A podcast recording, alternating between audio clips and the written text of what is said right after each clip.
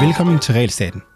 Mit navn er Jonas Herby, og Realstaten er podcastet, hvor du, sammen med mig og mine gæster, bliver klogere på, hvad regulering betyder for det danske samfund og den enkelte dansker, hvordan det opstår og hvad vi kan gøre ved det. Da jeg var barn, der så min far, som er dyrlæge, altid serien Folk og Fæ.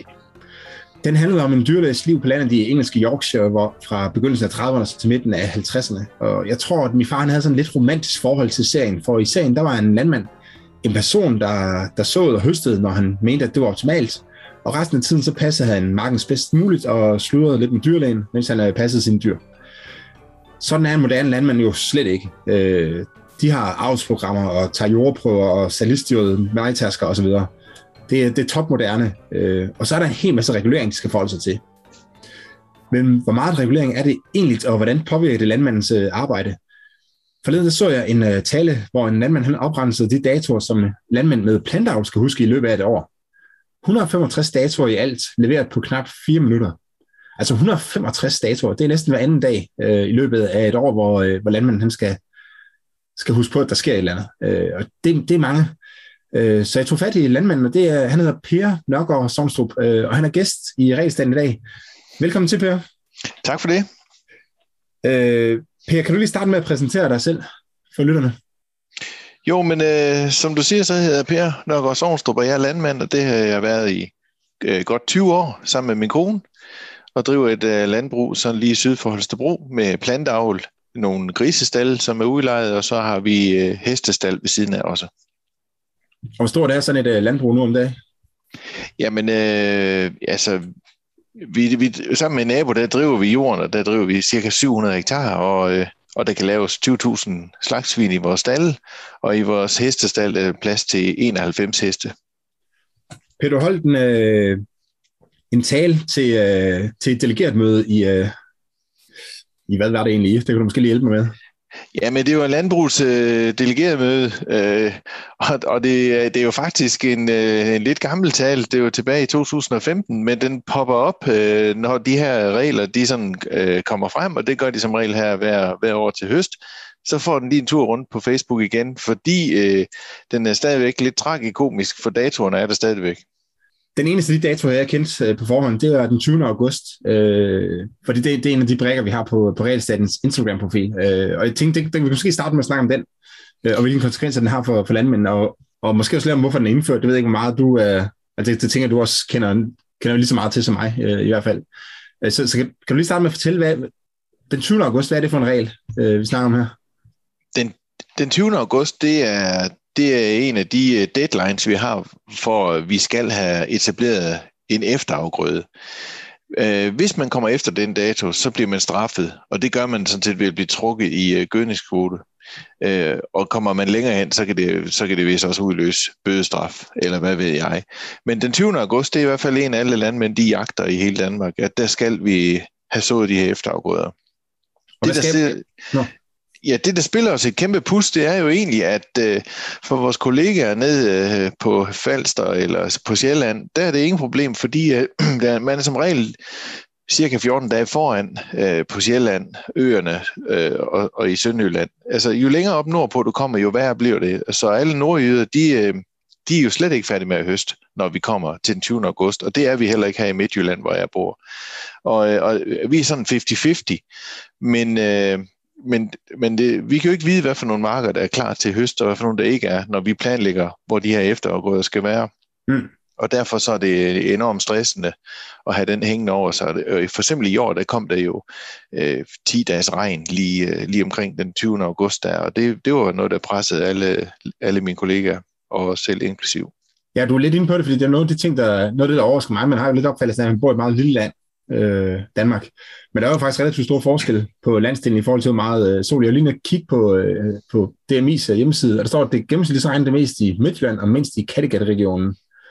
Øh, mens den midterste del af Jylland, og det var også noget det, du nævnte, de har det laveste antal soltimer, øh, mens Kattegat-regionen og Bornholm har det højeste antal soltimer. Og jeg, jeg tænker, at det er det, der, der gør, at de hvert år kan se, at der er den, det her problem her.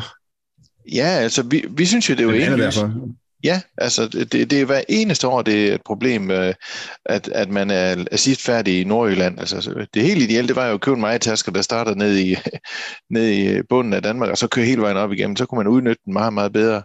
Det, det, er, altså, det er bare klimamæssigt forskudt, og det har vi set igennem tiden. Man startede også med at have majs ned i Sønderjylland, og så, så fik man øh, nogle sorter, der kunne klare sig øh, med det lidt koldere og lidt, lidt køligere øh, klima, som der er i, i toppen af Danmark. Og det er jo øh, forunderligt med så et lille land, men der er altså bare forskel.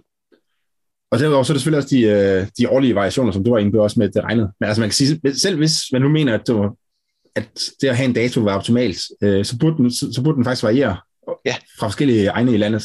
Ja, det vil, det, vil være, det vil være rigtigt at gøre, hvis det skulle være en dato. Men det, der var rarest, det var jo at komme væk fra en dato, og så få lavet det, der hedder sund fornuft. Fordi man kan også sige, hvad nu, øh, hvis vi er færdige med at høste øh, 1. august, et år, hvor der var tørke, jamen så er det jo bare med at komme i gang og få det etableret der, i stedet for at vente til den 20.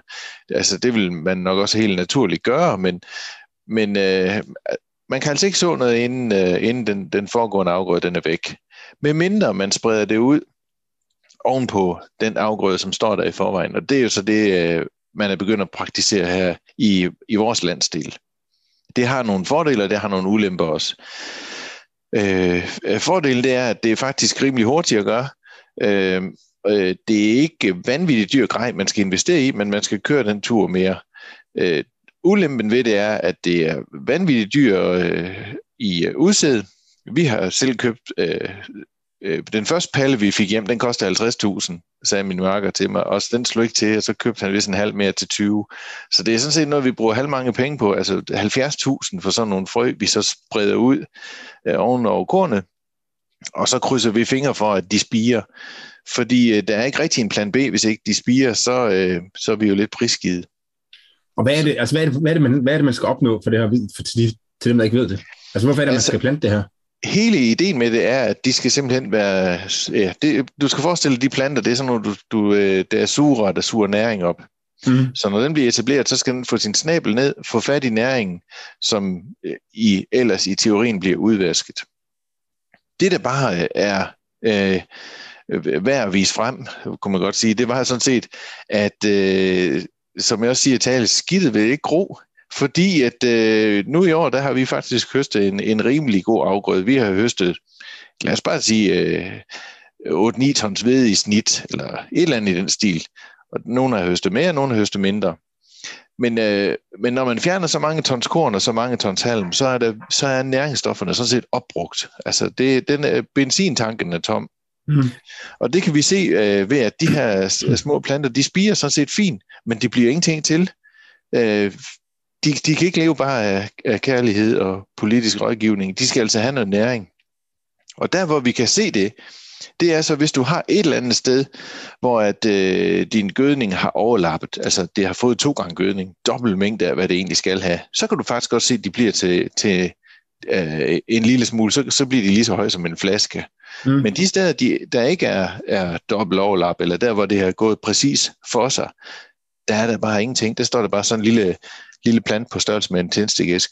Hvordan, hvordan bliver det tjekket, om I har sået det der, de der efterafgrøder? Jamen det er helt overbevist om, at det skal plantedirektoratet nok tage sig af. Altså det, de kan overvåge os satellit. Det er det nye, hvor de kan, hvor de kan studere grønmasse. Og så er der jo også de fysiske øh, kontroller. Men, men ud fra satellitovervågningen, der kan, der kan de sådan set ret hurtigt spot, om der er nogle steder, de skal købe kig eller ej. Og jeg er sikker på, at det er sådan, de gør, fordi det, det er et, et relativt simpelt værktøj, som okay. jeg jo tror, vi selv er med til at udvikle. Så, så, de kigger, så du tænker, at de kigger på, om der er, altså om der, om der er grøn vækst på, på marken? Ja, de kigger på, om der er grøn vækst.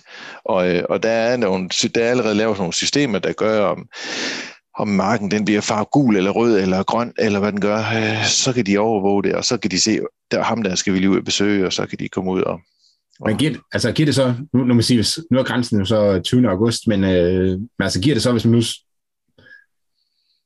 du vil ikke sige, det er dig, der gør det, men øh, man kunne man ikke godt have et par dage, hvor man ligesom kan sige, så kan man godt strække den lidt, så, det bliver, så der faktisk er lidt mere fleksibilitet i den reelt set, fordi de, de ikke vil opdage det.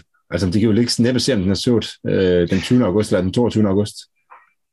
Nej, men, men du skal bare tænke på, hvis du er sat lidt overvåget, Øh, Øh, hvis du nu øh, sår den, ligesom, ligesom øh, mange har gjort i år, hvor du bredspreder frøene, øh, ud så ligger på jorden, så er der ingen forskel at se. Men hvis du nu vælger at lave en rigtig såning, der er du 100% sikker på, at det spiger, og du er også 100% sikker på, at det bliver øh, ensartet, og, de, og de, de kommer i gang. Der laver du jo marken sort, eller i hvert fald øh, du, du, du kan ses fra satellit, at du har ændret mm. ved marken. Det gør jo også, at der er nogen, der måske er lidt bange for at gå ud og begynde at reparere en mark, fordi hvis du begynder at reparere en mark, du har sået i, så bliver den også sort igen. Og det er, det er faktisk ret spøjs at gå ind og kigge på de der satellitovervågninger der. Det kan alle være, jeg mener det hedder CropSat eller et eller andet. Der kan du gå ind og se på satellitovervågning af alle marker. Og øh, så Big Brother's watching. Og hvordan, og så du, du, du siger, at I bliver straffet med, med, at jeres kvoter bliver, altså gødningskvoter bliver reduceret. Øh, hvorfor, hvorfor det ikke, ved du, hvorfor det ikke bare er en, en bødestraf?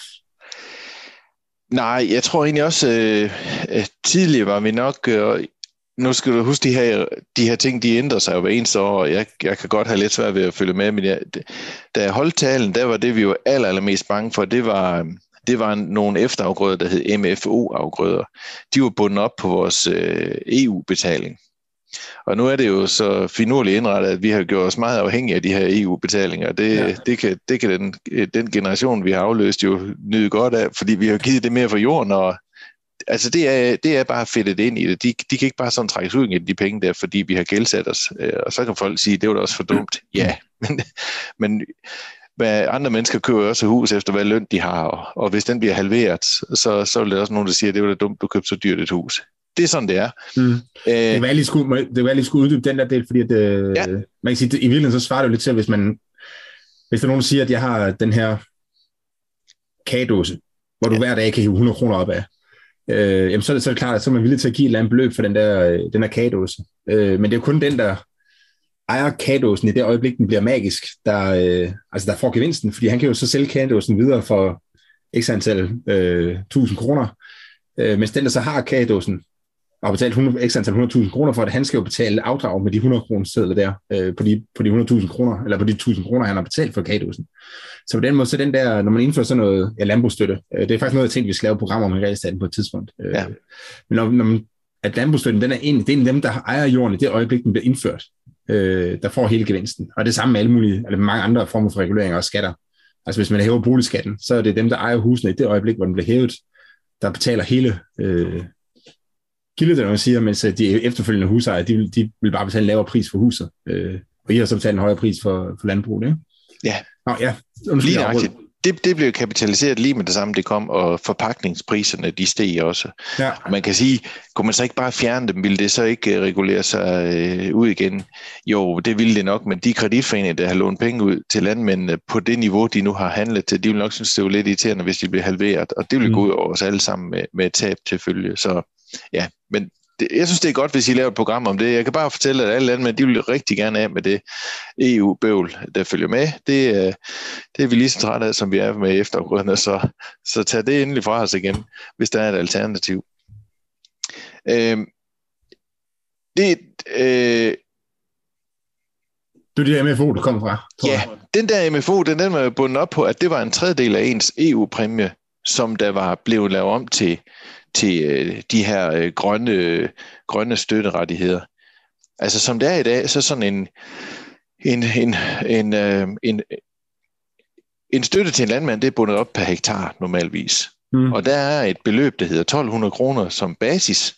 Det er det, det er det beløb, du får, hvis du driver jorden efter de øh, regelsæt, der er. Og det er at leve op til ja, øh, lidt mere end alle de her datoer, vi snakker om. Det er rigtig mange ting, der skal leves op til. Der skal laves sprøjtjournaler, gødningsregnskaber øh, osv. osv.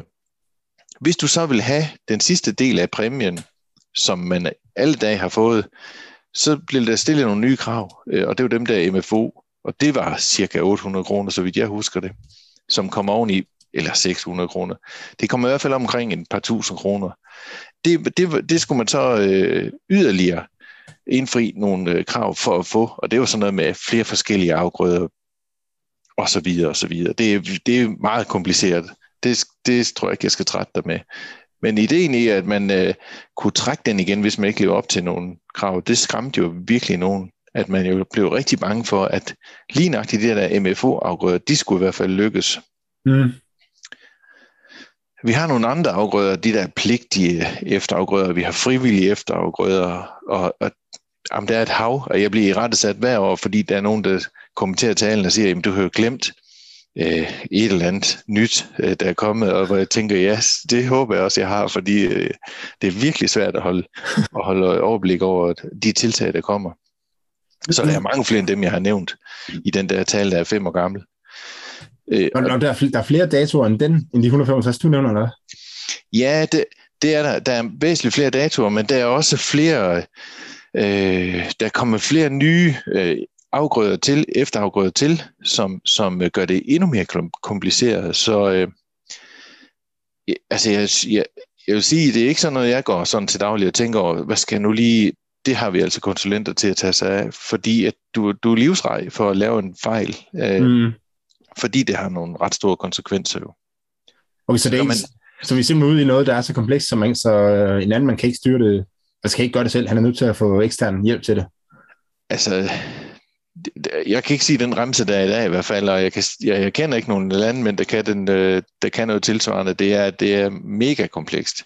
Altså, det, det tror jeg, man skal arbejde med hver eneste dag, for at være nok ind i, hvor mange skal der til øh, de pligtige efterafgrøder, og de frivillige efterafgrøder, og MFO efterafgrøder, og så videre, og så videre. Og, og det, øh, det trækker lidt det faglige ud af det, fordi øh, du bliver også sådan lidt øh, handlingslammet af, at, øh, at øh, når, når du ligesom mister fornemmelsen af det, du har med at gøre, så gør du bare, som det står. Altså, mm. Der kunne godt være nogle ting, der måske pludselig gav faglig mere mening. Det kunne godt være, det var bedre sådan fagligt set at, at sige med sådan et mildt efterår, der kunne man godt etablere noget rigtig godt vintersæd, som kunne nå at få nogle gode dybe rødder. Øh, for eksempel ro eller eller andre øh, gode vinterafgrøder, som der virkelig kan optage noget næring, så, øh, så fordi man har fedtet sig ind i et eller andet regelsæt, man ikke kan finde ud af, jamen så må man afholde sig fra det. Og så, ja, det, det giver meget god mening, fordi man, altså fordi man simpelthen er bange for, at man kommer til at overtræde nogle regler, som ender med at koste en mere, end det man kunne, øh, altså ja. kunne vinde ved at, ved, at, ved at gøre det, man synes, der er det faglige øh, rigtige. Ja, det vi har svært ved at forstå, det er jo egentlig, at nu har vi sådan nogle skallede planter, der står, der ikke rigtig øh, fylder noget eller suger noget næring, at de så ligesom skulle, øh, skulle kunne suge næring op, øh, og, og hvis vi tilsvarende havde lavet en rigtig flot øh, hvedemark eller øh, rumark, så nej, men den, det, det kan ikke suge noget op, siger eksperterne så. Det kan vi godt have lidt svært ved at forstå, fordi altså, vi synes jo, at alle de planter, der bliver sat ud, det er små sugerør, og hvis sådan en rumark, den bliver etableret i lunt vejr, så kan det godt blive nogle halvlange sugerør, der godt kan suge noget op øh, i forhold til små usle planter, der står ikke rigtig og bliver til noget som helst. Ja, det, det skal jeg ikke gøre mig, gøre mig helt klog på. Øh, men øh, har du flere, har du andre eksempler på sådan nogle, altså nogle ting, hvor, eller nogle konkrete eksempler på ting, hvor du ender med at så gøre noget, eller er med at gøre noget, som tænker, at det her, det, er, det er simpelthen helt gak, men, men jeg skal jo overholde reglerne? Altså jeg tænker, det, det, når, jeg, når jeg hører den der med, det der, med de der efterafgrøder, så tænker jeg, at det, det virker virkelig tosset, hvis man skal rundt og så, så oven i en mark, hvor der står korn i, øh, i stedet for at så en uge senere, eller hvad, to uger senere, hvad det kunne være. Ikke? Øh, ja, og det, ja, fordi alternativet det er jo også at høste en afgrøde, der er, ikke er moden eller ikke er tør. Mm. Og, øh, og hvis der er noget, jeg har lært øh, som landmand, så er det, at øh, der er ikke nogen, der kan tørre en afgrøde, som øh, solen kan. Det, det er, jeg har vanvittig respekt for den kugle, fordi øh, det som... Øh, jamen et godt eksempel er, at øh, nu da vi ret høste ved, der, der kører vi med, med tre, øh, tre kornvogne under vores majtasker for at holde det korn væk. Og, øh, og, og vi kørte i pendulfart. Vi havde lige alt det, vi kunne fræse afsted med. Øh, og så kommer jeg til at tænke på, at øh, hvis det her korn det skulle tørres, så den kapacitet, jeg har, det er sådan et vognlæs i døgnet. Altså med blæser og oliekanoner og masser af, af energiomkostning. Virkelig CO2-belastende. Og så tænker man lidt, jamen sådan tre vogne der, hvis det er tre døgn hver gang, man tager sådan en runde der, og, og, og så når vi kører sådan helt af alt, hvad vi kan, så kommer man til at tænke på, at det er egentlig, øh, det er egentlig også, øh, hvis man vil have, have høstet på den og den dato, og så tvinge os til at tørre alt det korn, det er en helt vildt energikrævende proces. Øh, ja, vi, vi bruger så olie til at tørre med, og så kunne folk sige, jamen, jamen kunne I ikke bruge noget andet? Jo, gas, eller et eller andet, øh, der i hvert fald ikke er sådan særlig klimavenlige i forhold til, mm. at solen tør de der afgrøder der, når de bare står lige så stille på jorden. Og det er imponerende. Altså, den kan, den kan tørre det på en time, det vi kan gøre på et døgn. Du lytter til Realstaten. Ja, jeg, har en, jeg har en kammerat, som har et lille, øh, altså et, et, et nedlagt landbrug. Ikke? Øh, han, han er, der er ingen af dem, der har noget som helst med landbrug at gøre. Øh, men de har lige et par grise, og så er det ude en gang, hvor der stod sådan nogle, sådan nogle ret officielt udseende skilte, hvor der stod et gris, der ikke må fodres. Og så spurgte jeg, hvorfor, hvorfor er du skilte der på det? Vi havde da fuldstændig gak. Altså, der kom jo ikke andre mennesker derude. Øh, men, men det sagde han, det, var, det skulle han simpelthen, ellers så kunne han få, øh, få bøder. Øh. Ja. Ja, men det, altså hvis du går ind i den animalske produktion, så vil du også finde masser af sådan nogle ting, hvor man synes, at det er, det er lidt... Øh, det er, det er lidt skørt, hvad, hvad det kommer af tiltag, og, og nu har jeg ikke forberedt en lang remse af dem, øh, ja, men, men øh, altså noget af det, vi også samtidig har synes, der er lidt skørt, øh, med, nu for eksempel med gris, det er, hvis du afliver en gris, så skal du sådan set øh, med det samme, du har aflevet en gris, det gør man med en boldpistol, så skal du, øh, så skal du tabe blodet af den. Altså du skal hen og stikke det med en kniv for at sikre dig, at den er død. Det giver så set god mening, øh, når den ligger stille, men hvis du skal gøre det med det samme, så er det, det, det, det er livsfarligt at gå hen og, og, og, og stikke sådan en. Og hvis ikke du gør det, jamen så bliver du tiltalt for, altså efter dyrevandsloven. Hvis du så siger til din ansatte, at du skal gøre det, mens det ligger og spræller, så bliver du egentlig tiltalt efter arbejdsmiljøloven, fordi det er livsfarligt at gøre. Så det er sådan en paradoks. Altså jeg synes, vi har mange af sådan nogle dilemmaer nogle gange, man står i. Hvad er det, hvad er det, altså, hvad skal man vælge? Så det er godt, at vi har nogle politikere, ja. der kan vælge for os. Altså, ja, det er ikke et emne, altså det er ikke et område, som jeg er specielt øh, godt eller meget inde i. Altså, jeg kender en lille smule fra min far, han kommer nogle gange med en historie, og så læser man selvfølgelig noget, lidt hist og pist, ikke, øh, når man interesserer sig for regulering. Øh, men, men, men der er også, altså der er også, altså de, de fleste regler er jo indført af, med en god mening, kan man sige, ikke? Altså, der, ja. der har været et eller andet formål med, at man har indført dem, fordi, ja, for at fjerne øh, næring fra jorden, så ikke det skyller ud i øh, vandmiljøerne og så videre, mm. ikke? Mm. Øh, og jeg tror, der hvor jeg har lidt fornemmelsen, og det kan du måske øh, prøve at tale lidt om, det er det, det, er det der med, at når, altså det er noget med mængden. Når det bliver så meget, så, man, så tingene kommer til at stritte lidt imod hinanden, eller, øh, eller at det bliver så faste grænserne, at, at det kommer til at, at stride mod ens faglighed. Så når kan du prøve at fortælle om, både, både om det er rigtigt, om mine fornemmelser er rigtige, øh, også hvordan det ligesom føles som landmand, og så, og så leve, i, leve i det der? Altså det, det øh, hvis der er en retning, øh, man kan sådan fornemme, så synes jeg måske, man godt, jeg kan godt se ideen med, at vi skal have grønne marker, øh, og de skal suge næring for eksempel. Det kan jeg sådan set godt følge. Og øh, hvordan det så skal være, og, og dato og sådan noget der, det tror jeg godt, man kunne arbejde til hen imod. Når jeg synes, det begynder at blive svært, så, den der, så når politikere de den ene dag snakker om om øh, bæredygtighed og mindre, mindre klimabelastning, øh, mindre CO2-udledning. Ja, så er det dagsordenen den ene dag. Næste dag, så er det økologi og mindre pesticidforbrug og, og mindre kunstige øh, tilsætningsstoffer. Det er så den næste dag. Og der synes jeg som landmand, det er enormt svært at, at agere, for det er to vidt forskellige retninger øh, de, de går nemlig lige nøjagtigt i hver deres retning. Hvordan, hvad, hvad spor vil du så vælge som landmand, hvis politikerne de siger begge dele bare med en dags varsel? Kan du forklare, for det er to forskellige retninger? Det, ja, no, hvis yes. jeg nu skal prøve at forklare det, så, så kan man sige, hvis du nu virkelig vil øh, passe på øh, forbruget af fossile brændsler og, øh, og, og ikke øh, udlede CO2, hver gang du piller ved jorden, så frigiver du jo øh, CO2, fordi det er jo lagret i jorden, så, mm. så, så begynder du at rumstere voldsomt med det, så, så bliver den jo frigivet.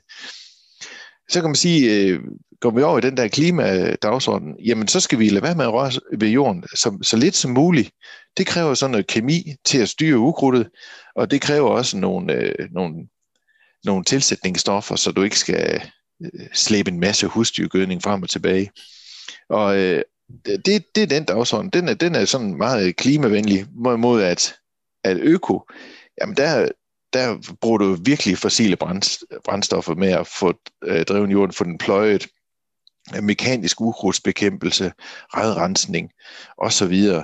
Øh, et lavt udbytte i forhold til indsatsen alligevel, og derfor vil, vil det, du laver, altså klimamæssigt være meget mere belastende mm. end den der, hvor du, har, hvor du bare lige riller i jorden og, og lægger et frø i, og så styrer det med kemi. Og så synes jeg bare som landmand, altså, ved du hvad, sig om jeg skal gå til højre eller venstre, det er sådan set okay med, fordi jeg kan leve af begge grene. Det er ikke sådan, jeg dør af, at jeg skal være økolog, og jeg gør heller ikke af at røre mindre ved jorden. Jeg synes bare, det er rigtig svært at vælge retning der. Og, og jeg ved godt, der er mange landmænd, de har valgt retning, og de siger, jamen det her det er det rigtige, altså øko er det rigtige, eller øh, no-trill, øh, som det hedder, når man kun lige riller i jorden, det, det, er, det, det er det rigtige. De har, de har ligesom spurgt sig fast, men, men du kan leve af begge dele som landmand, så det er ikke sådan, at jeg føler mig truet af, men jeg føler mig truet af, man ikke kan blive enige om, hvad det er, vi pejler efter. Og så Hvordan? begynder det at gå i verdens retning. Når de begynder at snakke om at forbyde sådan noget som Roundup, så bliver jeg lidt stresset, fordi det er sådan set nok en af de mildeste midler, vi overhovedet har, øh, men med den største effekt. Altså hvis vi skulle bortskaffe den på grund af politik, så skulle vi virkelig til at bruge noget dieselolie. Virkelig voldsomme mængder. Og det tror jeg ikke rigtigt, der er nogen, der sådan synes, at det er en god idé, at vi begynder at, at, at brænde en masse... Hvor er det, fordi I skal sprøjte oftere så? Eller? Altså, så skal, så skal jorden bindes rundt, og så skal den harves. Altså, så skal den holde sort. Det vil give en, en større udvaskning også. Altså, det, klimamæssigt vil det være rigtig noget skidt, for at sige det mildt. Men, øh, men øh, det, det, er bare for, det er bare mega komplekst. Men vi kan løse vi kan løse alle dele, hvis det skal være. Spørgsmålet er bare, hvad man gerne vil have os til. Mm. Så den ene dag skal vi redde klimaet, og den næste dag skal vi leve, øh, redde grundvandet, eller hvad er det, vi skal redde? Altså, det kunne måske være nogle gange have en, en retning. Hvor lang tid bruger man som land, altså som, som en, øh, nu ved jeg ikke, hvor stort dit landbrug er i forhold til gennemsnittet, men hvor lang tid bruger man på, altså på ligesom at overholde de her regler, på at øh, holde styr på, at man ikke kommer til at, altså hvor meget fylder de i din hverdag? Måske det, jeg prøver på, på at finde de, ud af. De, de fylder meget, det gør det. Og det er også fordi, vi har jo noget, der hedder krydsoverensstemmelse også. Det er jo en rigtig fin, øh, det, det, det vil jeg egentlig synes, man skulle indføre på alle arbejdspladser også. Det er virkelig stressende. Det betyder, at øh, hvis, jeg, øh, hvis jeg misser en regel, så er der nogle af dem, de har det, der hedder krydsoverensstemmelse. Det betyder så, at så trækker de mig i, øh, i EU-præmien, som vi lige snakker om før, at vi, ja. har gjort os, vi har gjort os meget afhængige af. Det siger nu det er i hvert fald, at vi er. Så det, det skal, de skal tage de penge der. Og, øh, og hvis vi laver en fejl, så ryger der 3%. Og som jeg husker det, så øh, hvis vi laver en mere, så ryger 5, og så graduerer man bare opad. Og det lyder ikke af, det lyder ikke af så meget 5 eller 3 procent, men det kunne man så prøve at regne om til ens, øh, ens løn, hvis nu, at man, øh, hvis nu man havde øh, glemt at låse ind, i, ind til virksomheden, endda man gik hjem, så kostede det 3 procent og 5 procent næste gang, og 10 procent, hvis det skete tredje gang. Det, det, er, det er stressende, at have det hængende over dig hele tiden, at du kan sådan blive indkomstreguleret øh, ved at lave en fejl. Mm. Og, øh, og det, øh, der er nogle af de ting, man skal leve op til, der virkelig er svære. Øh, inden for dyrevelfærd er det altså rigtig, rigtig svært at sikre sig. Nu, jeg er altså ikke øh, ekspert på de her krydsoverensstemmelser, og jeg har ikke lige sat mig ordentligt ind i det, men som jeg lige husker det, så kan man få en, en, en krydsoverensstemmelsestræk ved, at ens gris ikke har noget legetøj. Og det vil sige, hvis den gris, som du smed en pind ind til i, i går, den har et den pind, og den ikke er der, når du får kontrol, jamen så har du nok lidt et, et, et øh, dilemma, hvis der kommer en af dem, der er i de hvide biler, som jo giver de fleste landmænd tynd mave. Så, så det, øh, det er altså ikke rart at have det hængende over sig altid. Det der trussel. Er det, noget, er det noget, der har ændret sig? Du sagde, du var landmand i 20 år. Er det noget, der har ændret sig i de, øh, de 20 år? Altså, er det, er det ja. i dag, end det var for 20 år siden? Det er noget det, der har ændret sig. Det, det var jo også sådan, at i gamle dage, når at EU eller Plantdirektoratet, de skrev til, så stod der altid kære landmand. Og øh, det fjernede de så efter nogle år, og nu, øh, nu, øh, nu er tonen en anden. Det, det er egentlig ikke fordi, at øh, det er jo stadigvæk nogle... Øh, øh, flinke mennesker, der kører rundt. Det, det er slet ikke det, men men de skal også vise, at de er deres arbejde værd, så de skal helst finde en fejl. Altså det, det kan jo ikke hjælpe noget, at vi har et kontrolsystem, som ikke finder fejl. Og derfor er det næsten lige så sikkert som ammen i kirken, at de finder en fejl, når de er ude hos os. og, øhm, og i vores grisestal, hvor der vil er, øh, øh, ja, hvad, hvor mange stigpladser har vi? Lad os nu sige, at vi har øh, 8.000 grise til at gå i, i vores stald for at tage et tal. Mm. Øh, det er vel ikke utænkeligt, at hvis vi går ud til dem og, og går dem alle sammen minutiøst igennem, at vi finder en, der mangler en uh, træklods at, at lege med. Vi kunne vel også være uheldige, at fra vi går ud af stallen, og så øh, lad os nu antage, at der kom tidligt næste morgen, at der kom en øh, kontrolbesøg, at der så øh, at der så var en af, af grisene, der havde vrikket om på et ben. Øh, så, så, øh, så, så, og det er stressende for folk at vide, at, at du har ansvar for 8.000 individer, der går herude. Og så kan folk sige, jamen kunne I så ikke bare gå ud om aftenen også? Jo, det er der faktisk også mange, der gør. Men det er ikke så meget det. Det er mere det der med, at den der øh, evige... Øh, øh, øh, hvad skal man kalde det, angst for, at du ikke har gjort det godt nok. Mm. Altså forestil dig på, på øh, et eller andet øh, normalt job, hvor at du hele tiden har kontrolbesøg hængende over dig. Det, det, jeg tror ikke, det er noget, der folk de trives med ret mange steder. Øh, jo, hvis, hvis det er sådan noget, hvor der kommer nogen, og så vejleder en bagefter og siger, hov, øh, Hamassen, det der, det der, du gjorde hen i ældreplejen, det den der med, at øh, du glemte øh, at, at tage øh, den gamle ud fra toilettet, det var ikke så godt øh, så, altså hvis det er sådan noget, hvor man kunne snakke om det og blive vejledt i, det, det, det skulle du nok gøre bedre den anden gang. Men det er det her jo ikke. Det her det er jo politianmeldelse og økonomisk bod med det samme. Der er ikke, der er ikke nogen øh, mellemvej. Altså, sige, det jobs, jeg selv har været i, der, øh, og det er alt lige fra slagteriarbejdere til postbud og soldater og konsulenter. Og, ja, nu, ja, nu er jeg også konsulent på en eller anden måde. Øh, men der, øh, altså, der, der er jo Altså, der kunne også godt være konsekvenser, hvis man bryder loven, øh, eller bryder reglerne på arbejdspladsen, ja. men, øh, men der var ikke så mange regler. Altså, hvis, hvis man er postbud, så skal man uh, tage de breve, der kommer, de skal afleveres ude hos kunderne på en eller anden måde, øh, ja. inden, for en eller anden, inden for en eller anden tidsramme. Men altså, det er relativt simpelt. Det er ikke sådan, jeg har et, flere sider med, med regler, jeg skal, skal huske at, at opfylde den dag. Øh, så, og, og, og jeg tror, det måske er der, hvor, det, hvor, det, hvor, hvor en stor del af forskellen er i forhold til det, som, som du laver. Øh, fordi Ja, det er rent nok, hvis altså hvis du vidste, at du blev straffet, øh, og måske også en hård økonomisk straf, hvis du gjorde et eller andet, der var, der var helt forkert, så ville det, så ville det jo... Men, altså, men det så det eneste, du ligesom skulle forholde dig til. Så ville, så ville du også kunne koncentrere dig om det, og så sige, at okay, jeg skal bare sikre mig, at stallen ikke brænder ned, eller hvad det nu kan være. Ikke? Øh, men, øh, men, men det der med, at der er så mange forskellige regler, hvor man altid have på fornemmelsen af, at man kan blive snuppet for én ting. Ja, nu, nu lægger jeg jo lidt ordene i munden på dig, men altså, ja. det, det, er lidt den, det er lidt den, den opfattelse, jeg får af det, du fortæller. Ja, men, men, øh, men der tror jeg, vil, hvis, hvis jeg øh, gør dig helt ret i den, så vil der komme 10 virksomheder rendende bagefter og sige, vi har faktisk også rigtig meget, vi skal leve op til, så det er ikke det, jeg synes, der er det værste. Det, det kan jeg sådan set godt leve med. Jeg kan, der, hvor, der, hvor vores øh, udfordring bliver svær, det, det er fordi, det er naturen, vi arbejder med. Mm. Og jeg, jeg, kan ikke, øh, jeg kan ikke vide med sikkerhed, øh, om vi kan så i morgen. Det kommer an på, om det regner eller hvad det gør. Jeg kan heller ikke vide med sikkerhed, om der er en gris, der er snublet i aften, mens vi sidder her og snakker. Det kan jeg heller ikke vide med sikkerhed, eller en hest, der er skvattet om, og, eller en, der er plumpet i en moshul, en hest, der går i en eng, eller et eller andet. Det kan jeg jo ikke rigtig vide, fordi det hele er i bevægelse, og det hele er naturen, der spiller ind. Mm. Hvis nu jeg havde en eller anden øh, fabrik, der, der, der lavede plastikbager, jamen, så kunne de bare komme efter mig fra morgen til aften, fordi hvis der nu var nogle af plastikbagerne, der var blevet for tynde, så var det nok, fordi jeg havde skruet ned på, på den, der hælder øh, ind i støbeformen. Så, så det, det vil jeg godt kunne leve med. Men man skal lige huske, at det er, det er ting, der, mange af de ting, vi skal leve op til, det er noget, der er ude af vores hænder. Og, og en anden ting er også, som der nok også har stressende, det er, at de kommer jo ind i vores hjem.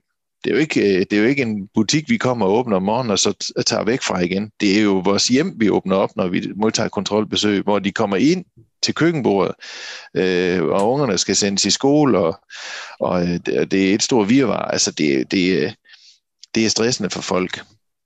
Og jeg har oplevet nogen af mine kollegaer, der, der får så et brev øh, i, øh, i øh, e-boksen sådan en øh, fredag eftermiddag med, at de blev politianmeldt. Det er det, der hedder en lang weekend bagefter, fordi du mm. kan ikke få fat i nogen øh, af dem, du skal snakke med om det, så du kan bare gå som gissel i et eller andet, du aner ikke, hvor alvorligt det er, indtil du kommer, indtil du kommer til mandag.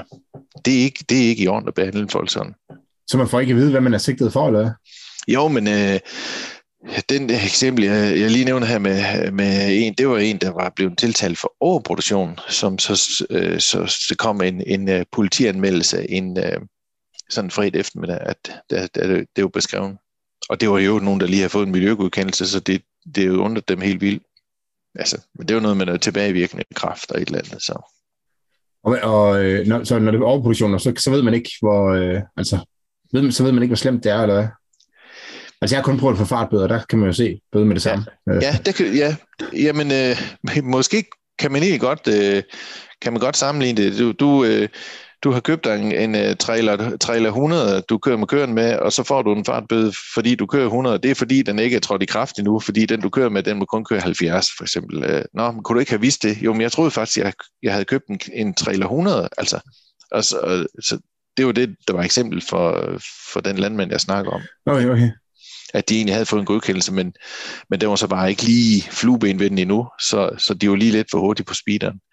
Men, men derfor er det jo sådan set, okay, så kan man sige, nå, det var, det var ikke så godt, vi var for hurtige. Men det der med, at der kommer en politianmeldelse, det er virkelig noget, der giver i folk. Øh, okay, hvad betyder det? Skal jeg i fængsel? Altså, tager de øh, pengene fra mig nu? Eller, og, og det gør de jo så. Altså, det får man jo en ret stor bøde for, eller gjorde man i hvert fald. Mm.